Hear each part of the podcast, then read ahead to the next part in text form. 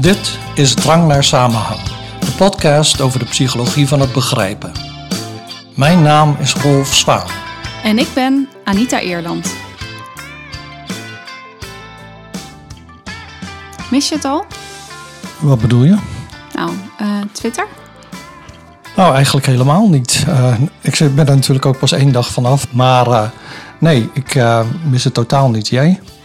Nee, uh, eigenlijk ook niet. Maar het is misschien nog een beetje vroeg om, uh, om daar iets over te kunnen zeggen. Want we zijn inderdaad gisteren pas van Twitter afgegaan. Mm -hmm. En um, het is iets waar we al een tijdje over nadachten, volgens mij allebei. Ja. Om daarvan af te gaan. Maar de druppel was de overname van het platform door uh, Elon Musk.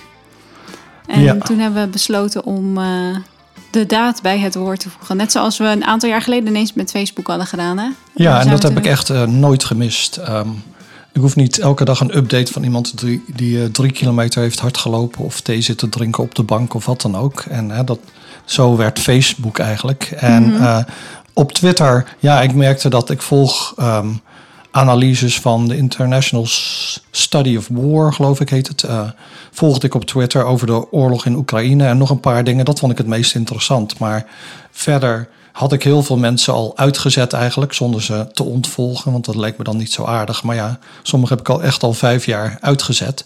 En toen dacht ik wel van, ja, wat zit ik hier eigenlijk nog te doen? Mhm. Uh, 90% van wat ik zie vind ik niet interessant. En voor die 10% is het dan de moeite waard. En uh, nou, toen was inderdaad die overname door Musk de druppel die de emmer deed overlopen.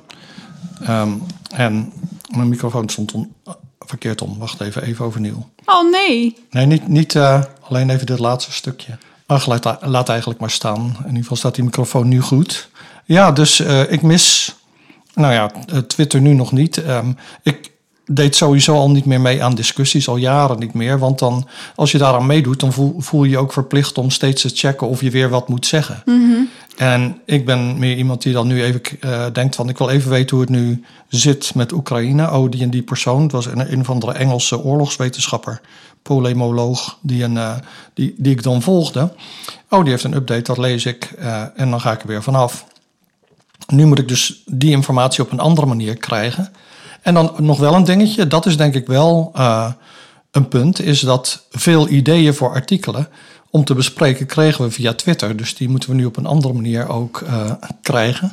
Ja, dus als we er na deze aflevering niet meer zijn... dan hebben we geen manier gevonden om uh, interessante onderwerpen te bedenken. Nee, dat klopt. Dan moeten we toch weer terug op Twitter. Of als we het ineens over voetbal gaan hebben...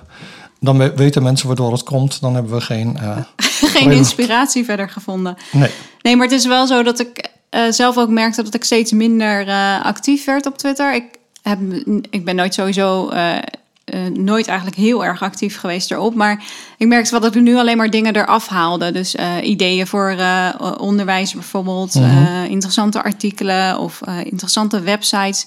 Dus ik heb wel alles wat ik had opgeslagen... heb ik nog even gauw bewaard... voordat ik mijn account ging deactiveren. Mhm. Mm -hmm. Maar ik merkte dat ik het steeds frustrerender vond worden dat elke keer als iemand een bericht erop zet, dat er dan een discussie op volgde die in uh, twee of drie berichten uh, ontaarde. In Ja. Uh, nou ja, gescheld over en weer. En ik had ook het idee dat veel mensen elkaar expres verkeerd begrepen. Of zo dat- leek het in ieder geval.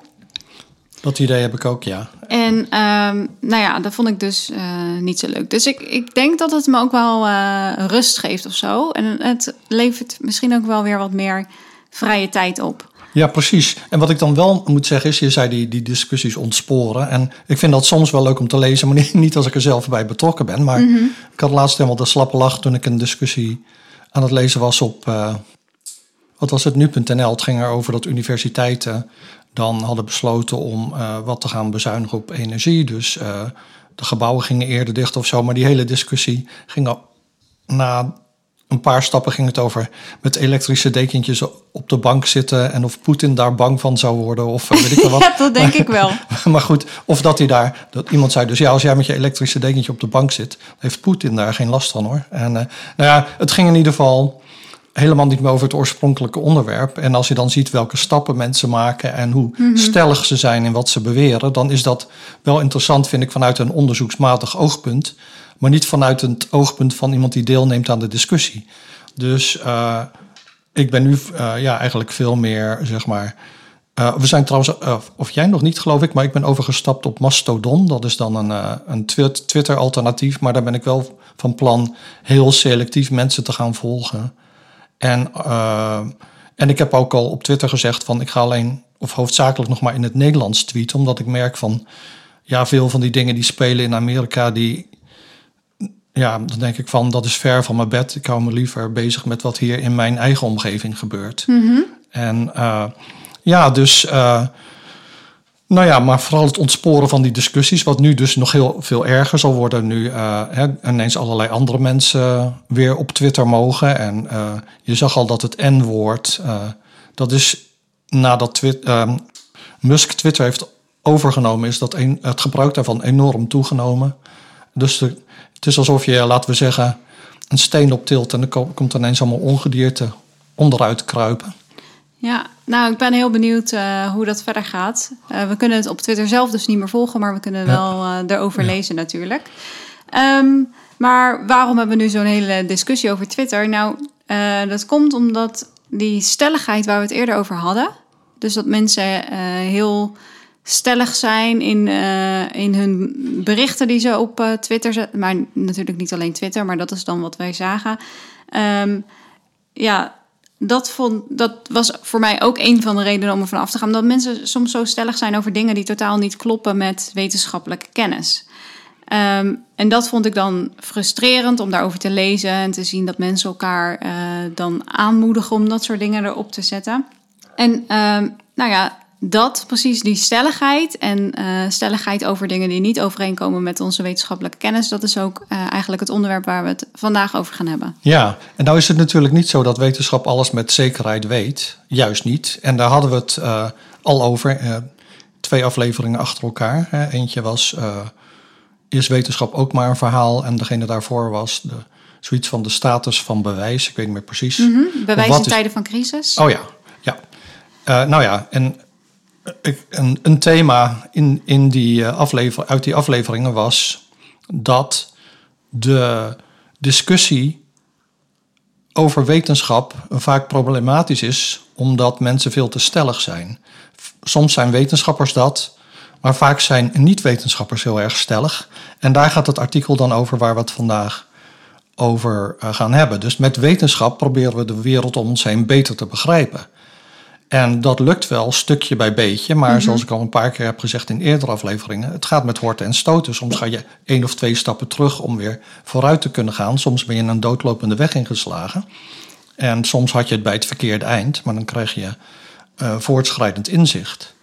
Eh, en dan op een bepaald moment kun je wel met red- redelijke zekerheid zeggen dat we weten hoe iets in elkaar zit, hoe iets werkt als, als wetenschappers. Ja. Ja, er zijn dus eh, best wel wat zaken waarover wetenschappelijke consensus is, zoals we dat dan noemen. Eh, en een aantal van die dingen zijn eh, nou, of de opwarming van de aarde door mensen wordt veroorzaakt, ehm, of genetisch gemodificeerd eten slecht voor je is, of homeopathie werkt. Nee. Ehm, of mensen door de tijd heen geëvolueerd zijn. Dus eigenlijk of Ja. evolutie bestaat. Ehm, eh, het effect van eh, eh, vaccineren van kinderen. Ja, dat dat verplicht moet zijn. Ja, ja. Nou Ja, dat- dat, ja. het verplicht moet zijn is niet wetenschappelijke Nee, nee, maar dat- kennis, het maar werkt dat het en- werkt en ja, dus precies. dat het daarom dan verplicht zou moeten zijn. En bijvoorbeeld kernenergie, dat dat ja, Ja. werkt of efficiënt is. Dat vind ik zelf wel lastig, Ik ook. ik, moet, ik moet zeggen, dat stond in dat artikel, maar daar zou ik zelf nog wel iets meer over willen lezen. Dat is niet iets waar, waar ik zelf zo stellig over ben. Nee, Ofwel tegen ofwel voor, maar. Want het gaat er dan om wegen de risico's op tegen de voordelen. ja, Voordelen zijn dat het minder vervuilend is. Eh, behalve dat je dus met dat afval zit. ja En, dat is eh, wel een probleem. En eh, nadelen zijn dat het wellicht gevaarlijk is, maar hoeveel gevaarlijker is het dan andere dingen? Dus dat, ja, daar, daar, daar zou ik mezelf van mezelf zeggen, daar moet ik me meer in verdiepen. Ja, maar, maar- die andere punten, Nou, ja, daar, denk ik van, dat is de consensus. Maar Ja. als je mij nu vraagt, hoe werkt dat precies, dan kan ik dat ook niet bij alles eh, vertellen. Eh, nee. Maar wat je nou ziet bij dit soort eh, zaken, dus waarover er in de wetenschap consensus is, Mhm. is dat eh, leken ehm, over dit soort onderwerpen vaak heel anders kunnen denken. Ja. Die houden er een zogenaamde anti-consensus-overtuiging op na. Dus die geloven niet dat evolutie bestaat of eh, dat de opwarming van de aarde door mensen wordt eh, veroorzaakt. Nou, die anti-consensus-visie kan heel eh, negatieve gevolgen hebben. Ja, Ja, als mensen maar heel stellig gaan lopen, of het tegenovergestelde gaan lopen verkondigen, dan waar de wetenschap het over eens is, ja, dan kan dat leiden door, tot allerlei eh, nare dingen, zoals eh, hongersnood, kindersterfte, eh, natuurrampen. Ja, eigenlijk van alles. ja dat soort dingen. Dus dan, dan is de vraag eigenlijk, waar komen die anti-consensus denkbeelden vandaan? Ja, En dan is de logische gedachte van, nou ze komen uit onwetendheid. Mensen hebben domweg geen wetenschappelijke kennis. Ze weten niet waar ze het over hebben. Dus het gebrek aan wetenschappelijke kennis geeft, biedt eigenlijk ruimte aan allerlei niet-wetenschappelijke ideeën. En het idee is dan van als mensen die feiten nu eh, zouden kennen, dan zouden ze dus eh, die denkbeelden niet hebben. Dus als je het probleem wil oplossen, moet je de mensen beter onderwijzen. ja, Ja, dat is dat idee. Maar onderzoek toont aan dat het beter informeren van mensen niet blijkt te werken. Dus dat idee van de mensen hebben te weinig kennis, als je ze maar kennis geeft, dan. eh, krijgen ze vanzelf een meer wetenschappelijke visie of Ja. zo? Of gaan ze het meer eens zijn met de wetenschappelijke consensus? ja, Dat is niet zo. nee, nee, dat klopt. En, en dan eh, een, een, een alternatieve theorie is van eh, mensen dat je het breder trekt en dat je zegt: ehm, kennis is niet de enige factor. Wat ook een factor is, is de sociale context. De cultuur waarin mensen zitten, de lokale cultuur. En ze worden beïnvloed in hun denken door dat ze tot bepaalde groepen behoren. Ja, Dus je denkt dan eigenlijk niet voor jezelf, maar je neemt de ideeën over van de groep waartoe je behoort.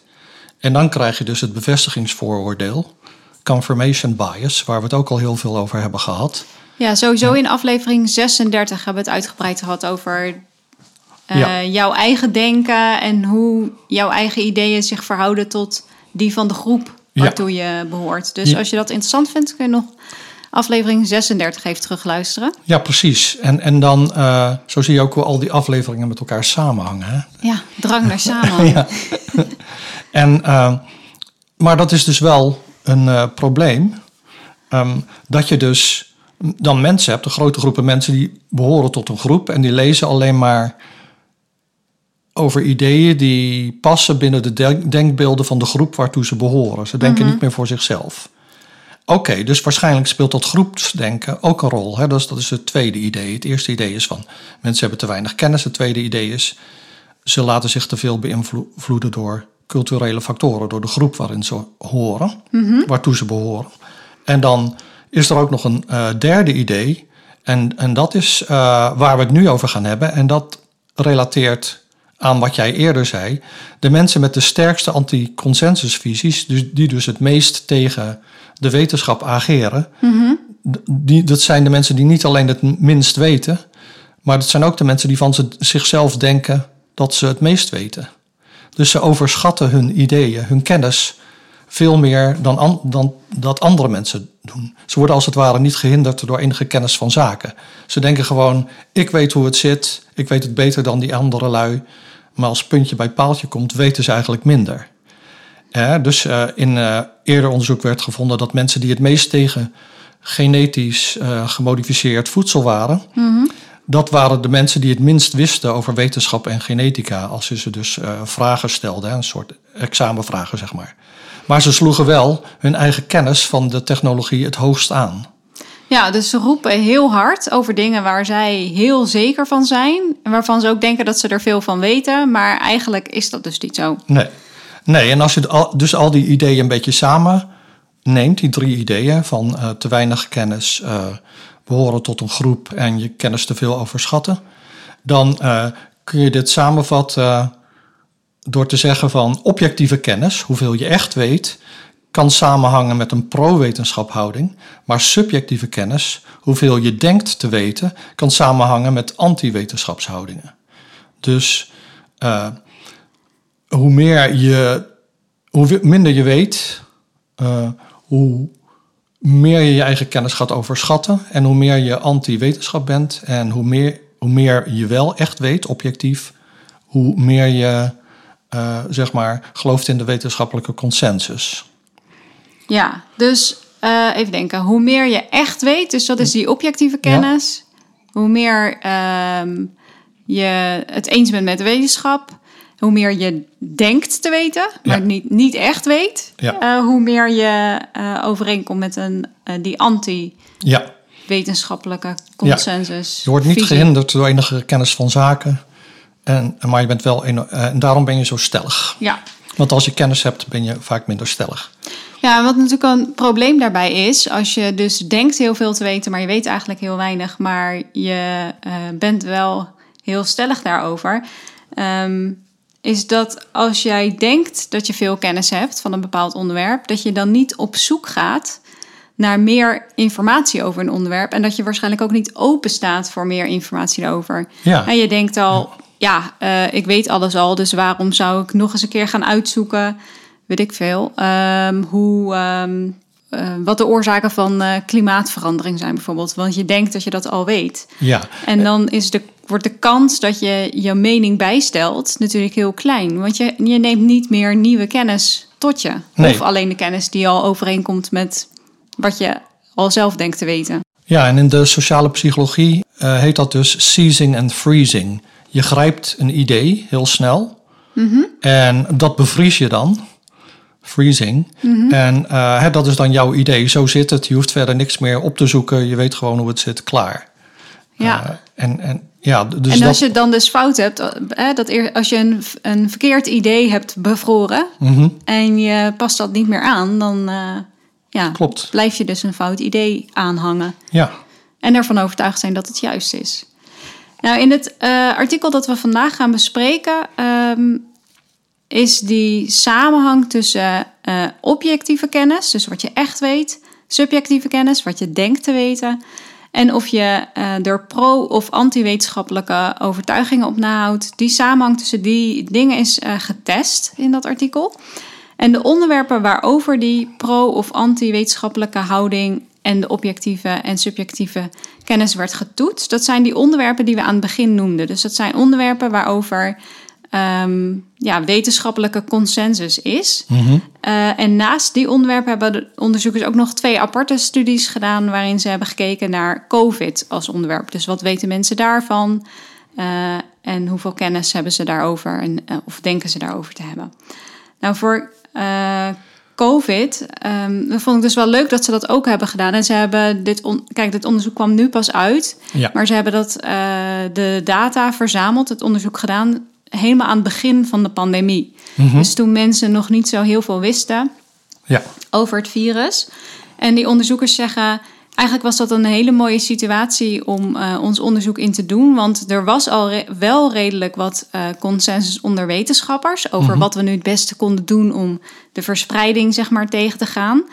Um, maar er zat een heel groot verschil tussen die wetenschappelijke consensus en uh, hoe bereid mensen waren om hun gedrag aan te passen. Dus uh, hoe bereid ze waren om zich te laten vaccineren, ook al was er toen nog geen vaccin. Maar je kunt wel vragen, Tuurlijk. Als, dat er, als dat er is, ben je dan bereid om je te laten vaccineren? Maar ook het dragen van mondmaskers en het houden van afstand. Uh, mensen waren daartoe niet zo bereid, terwijl volgens de wetenschap er wel al bewijs was dat dat goed zou helpen. En dat vond ik interessant, uh, ook omdat nou ja, dit weer terugkomt. Dit hebben we, precies dit hebben we eerder besproken in uh, aflevering ja. 40 en 41.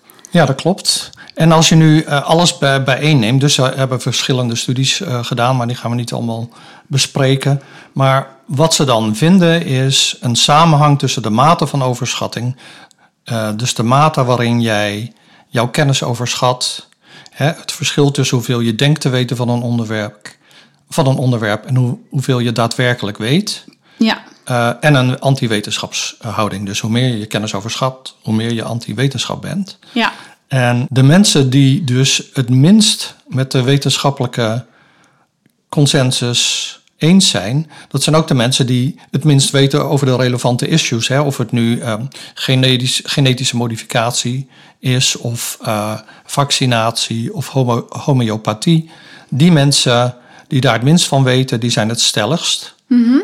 En die denken soms dat ze het ook meer weten dan experts. Hè? Dus hun, hun eigen inschatting van hoeveel ze weten over een onderwerp is soms hoger dan die van wetenschappers over datzelfde onderwerp. Terwijl, Ja, laten we wel bizar? wezen, als je bijvoorbeeld wil ehm, iets wil zeggen over het kli- klimaat met enige kennis van zaken, dan moet je bijvoorbeeld eh, integraal verge- vergelijkingen kunnen oplossen. Of weet ik wat, om te, te weten hoe snel een ijskap smelt of weet ik veel Mhm. wat. Nou, dat kunnen de meeste mensen helemaal niet.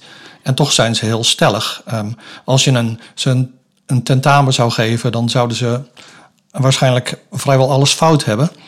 En, eh, maar dat zijn wel de mensen die overal over mee willen praten en dus heel ste- stellig zijn. En het is zelfs zo dat in een van de experimenten hier, dat die mensen gevraagd werd of te wedden op hoeveel ze wisten.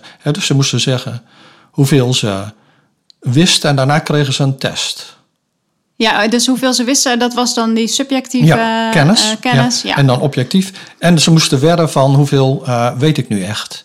En Ah. eh, nou, dus dat bleek dat het geen ijdele praat was, want ze, ze, ze werden dus meer eigenlijk eh, grotere bedragen, zeg maar. Ik geloof niet dat ze ze echt hoefden te betalen, maar ehm, dan, dan dus de mensen die wel meer wisten. Ja, dus het was niet dat ze voor de vorm zeiden dat ze er heel veel van wisten. Maar nu ehm, waren er ook gevolgen aan. eh, Verbonden? Ja, en eh, dan zie je dat mensen nog steeds ervan overtuigd zijn dat Ja. ze heel veel wisten. Ja, en je zei dat was voor al die onderwerpen zo. En dat klopt. Behalve klimaat, ja. Ja, ja. er was één, eh, één onderwerp, die klimaatverandering. Daar vonden ze nou ja, wat minder sterk bewijs of soms eh, geen bewijs voor dat eh, idee van die samenhang van eh, objectieve en subjectieve kennis of, en een pro- of anti-wetenschappelijke opvatting. En ze zeiden ja, dat dat misschien te maken heeft met het feit dat dat het meest gepolariseerde onderwerp is. ja. En dat, ja, dat je dus daarom. eh, Daar overheerst wat dan het groepsdenken of zo. ja, precies. Ja. Dan heb je heel duidelijk twee verschillende kampen. Ja. En dan is het moeilijker om. eh, ehm, nou ja, eh, dan bepaalt dat voor het grootste gedeelte of je ja, eh, voor of tegen de wetenschappelijke eh, opvatting bent. Maar voor al die andere onderwerpen eh, en ook eh, dat COVID-verhaal. daar, daar vonden ze dus wel precies datzelfde, wat ze dus ook hadden verwacht. Ja, klopt. En nu, nu eh, zeggen de onderzoekers zelf, en eh, ja, als je dat leest, denk je dat misschien ook als je die literatuur kent, dat, dat deze bevindingen samenhangen met het bekende Dunning-Kruger-effect. En dat is dat mensen die incompetent zijn, hun prestaties het meest overschatten. Ja, ja dat, daar moest ik ook aan denken, inderdaad. Hebben we het daar al eerder over gehad? Dat weet ik eigenlijk niet. Dat kan ik me ook niet meer herinneren. Ik denk het niet, maar ik durf het niet met zekerheid te zeggen. Want eh, we zitten al in aflevering 44, geloof ik. En je weet niet meer wat we in al die afleveringen nee, hebben besproken. nee, nee, zeker niet. Nee, ik ook niet, moet ik eerlijk zeggen. Ehm, Oké, dus er zijn best wel duidelijke eh, bevindingen. Eh, best wel duidelijke resultaten hebben deze onderzoekers gevonden. En ze proberen die natuurlijk ook te verklaren. Hoe komt het nu dat mensen die zo zelfverzekerd overkomen als het om eh, hun kennis van een bepaald onderwerp gaat, eigenlijk maar heel weinig feitelijke kennis hebben? Eh, en er overtuigingen op nahouden die ingaan eh, tegen de wetenschappelijke consensus. Ehm, nou, wat zij zeggen als een van, een van de mogelijke verklaringen is dat men, deze mensen, die dus zo stellig zijn eh, zonder feitelijke kennis te hebben, dat zij hun, hun visie of hun overtuigingen baseren op wat zij begrijpen van een onderwerp. En vaak zijn de verklaringen die niet eh, overeenkomen met de wetenschappelijke consensus, die zijn simpeler, die zijn Ja. makkelijker om te begrijpen. Ehm, dus mensen zeggen dan dat ze veel van een onderwerp weten, omdat ze de zaken zoals zij die begrijpen, die zijn ook makkelijker. Dus als jij ehm, de niet-wetenschappelijke visie op een bepaald onderwerp gelooft, dan is die makkelijker. En, eh, en dan denk je dus ook, nou, ik weet al hoe dit zit, want het is, ja, het is toch een super simpel verhaal, de klimaatverandering. Iedereen weet toch hoe dat zit? Ja, als jij er, ervan overtuigd bent dat dat een, eh, een, nou, geen complexe zaak is, dan kun je dus ook heel makkelijk zeggen dat jij daar alles van weet. Ja, maar zeggen de auteurs, dat is geen goede verklaring. Want de vragen die zij hebben gebruikt om objectieve kennis te meten, die waren heel algemeen en simpel. Zoiets als ehm, de huid is het grootste orgaan. Ja of nee? Het antwoord is ja. En als je het niet weet, dan geeft het niet aan dat je een alternatieve eh, kijk op de werking van het menselijk lichaam hebt. Het geeft aan dat je een gebrek aan kennis over het menselijk lichaam hebt. Ja. Dus uh, zeggen zij, die mensen hebben gewoon echt te weinig of weinig kennis van hoe bijvoorbeeld het menselijk lichaam werkt. En het is niet zo dat wat wij gemeten hebben is hun uh, kennis van alternatieve feiten. Mm We gaan ervan uit dat ze deze objectieve kennis uh, zouden moeten hebben. Ja.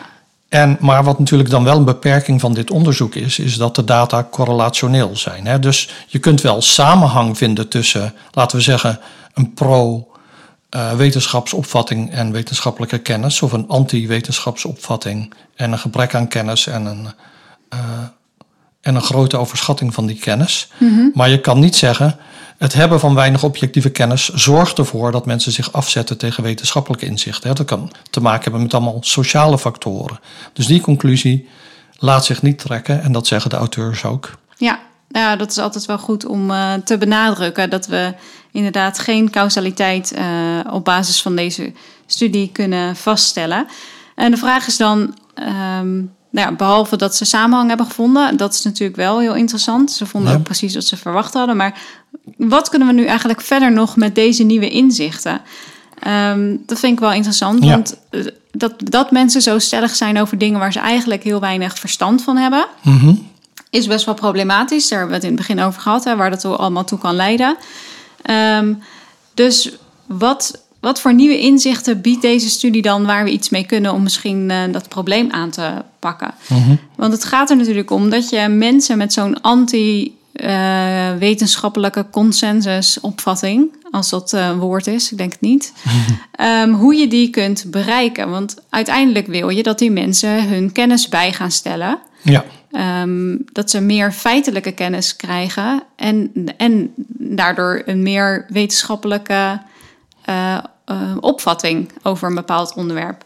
Maar eh, het helpt dus niet om ze beter te informeren, want zij denken al dat ze Ja. heel veel kennis hebben. Dus je moet ze op een andere manier benaderen. Ehm, en ja, misschien moeten we niet focussen op het aanbieden van kennis over een bepaald onderwerp, maar meer proberen om eh, hoe iemand kijkt naar of eh, nadenkt over zijn eigen kennis, dat we dat moeten aanpakken.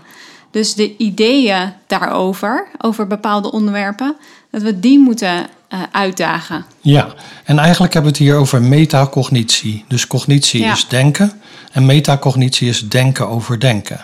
En wat Ja. je dus eigenlijk wil, is dat die mensen waar we het over hebben gaan inzien van... hé, hey, ik weet eigenlijk veel minder van deze materie dan ik eh, dacht. Ja. ja, dat is nog best wel lastig. Nou komt uit een andere tak van onderzoek komt een idee dat, dat ik even dan eh, ja, eigenlijk aan de orde wil, wilde stellen. En dat is eh, het idee dat het zinvol is om mensen te laten ervaren hoe weinig ze eigenlijk weten van een bepaald onderwerp. En je kunt dus dat doen door mensen dingen te laten uitleggen. En dan zien ze ineens van hoe weinig weet ik eigenlijk. Ja. Daar ga ik zo nog even over hebben. En eh, je kunt ook zogenaamde referentiepunten geven. Dus bijvoorbeeld zeggen van eh, als je jouw on- eh, kennis, als jij bijvoorbeeld laten we zeggen, als hobby hebt motorfietsen repareren of weet ik veel wat, dan kun je zeggen van weet jij van laten we zeggen, vaccinatie evenveel als van motorfietsen repareren. Want bij een motorfiets repareren, waar ik dan zelf trouwens niks van weet, maar goed, dan weet Jij weet meer van vaccinatie dan motorfietsen repareren.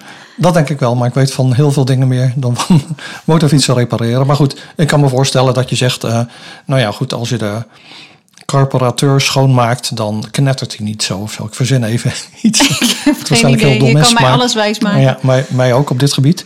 Ehm, maar goed, iemand die dat dus wel weet, die weet dan als ik dit dingetje weghaal, dan gebeurt er dit. Of als ik dit schoonmaak of verander, dan gebeurt er dat. Maar dat weten ze niet met al die andere dingen. Dus dan, dat zou kunnen eh, werken. Hè? Dus dat mensen minder zeker worden van zichzelf als ze die vergelijking gaan maken. Ja, je ziet dan dat je van het een toch veel meer weet dan van het ander. Dus dan word je Ja. misschien iets meer onzeker over jouw kennis over dat andere onderwerp. Ja, Waar ja. je minder van weet. Ja, Ja, en waar dit dan samen mee hangt, eh, is met eh, een fenomeen dat bekend staat als de illusion of explanatory depth.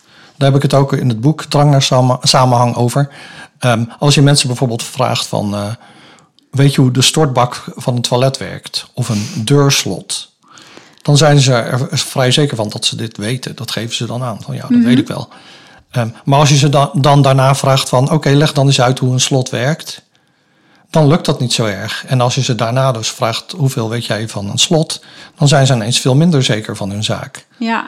Doet me ook denken aan eh, de vorige aflevering waarbij ik het had over het tekenen van een fiets. Ja, Eh, dat je denkt, oh ja, dat kan ik wel even. En dan moet Ja. je het echt doen. En dan is het toch wel lastiger. En ik denk dat dat met die, met die stortbak en met dat slot ook te maken heeft met... eh, dat het alledaagse voorwerpen zijn. We gebruiken ze elke dag. ja, Dus dat je dan denkt, dan, dan weet ik heus wel hoe dat werkt. ja. Maar als ik er nu over na ga denken, of als ik nu weer een fiets zou moeten tekenen, dan lukt het me nog steeds niet om dat te doen. Of om de werking van een eh, stortbak uit te leggen.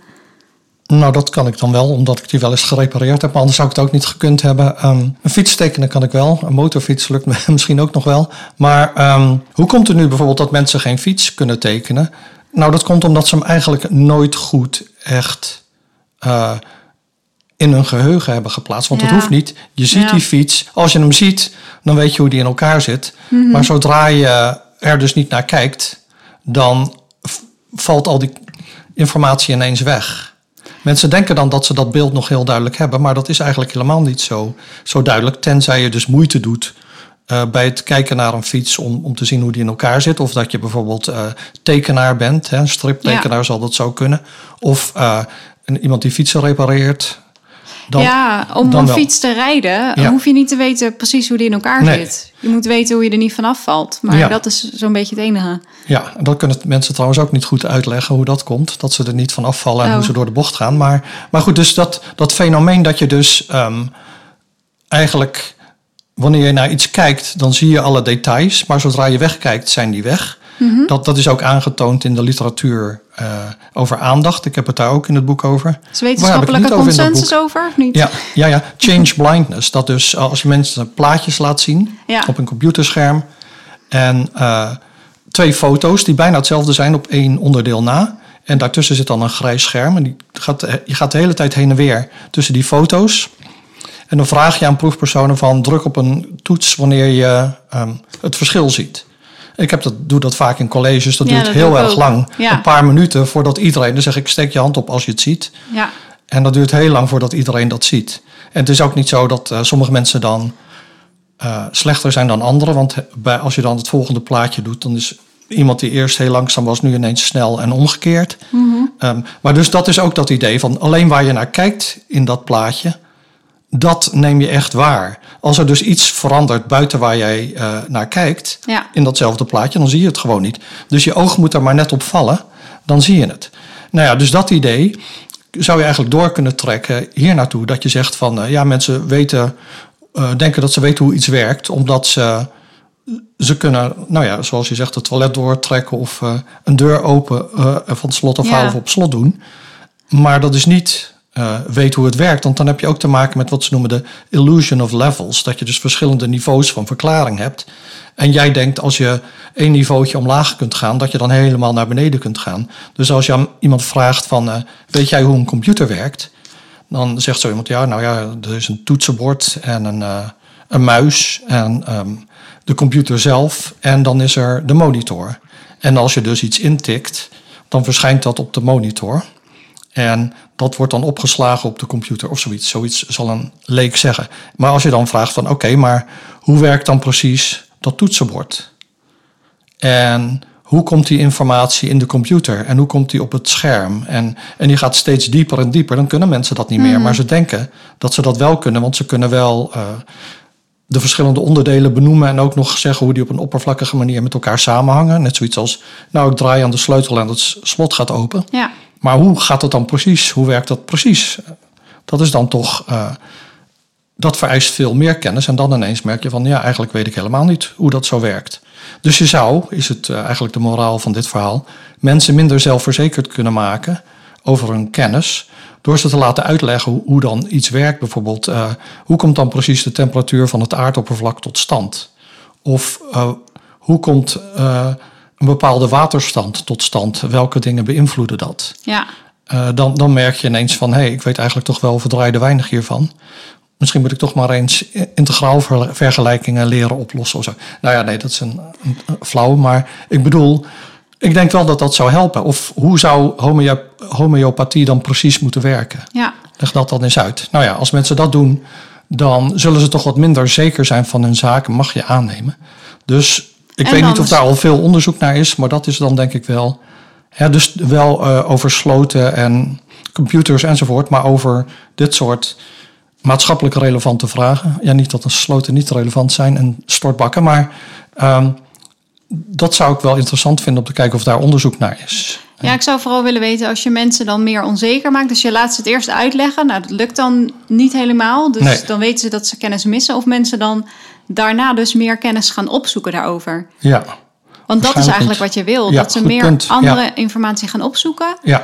En hun mening over dat onderwerp dan bijstellen. Ja, dat zijn goede ideeën naar aanleiding van, van uh, dit artikel wat we vandaag hebben besproken.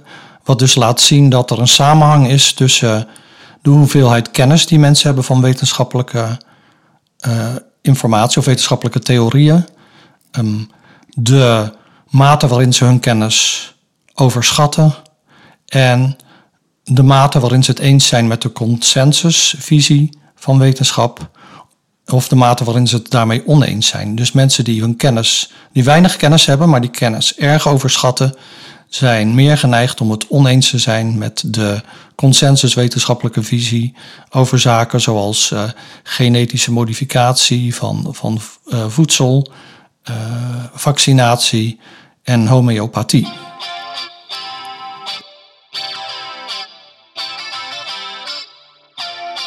Vond je dit een leuke aflevering? Abonneer je dan. Je kunt ons volgen op Twitter, het Drankast of mailen via drankkast.gmail.com.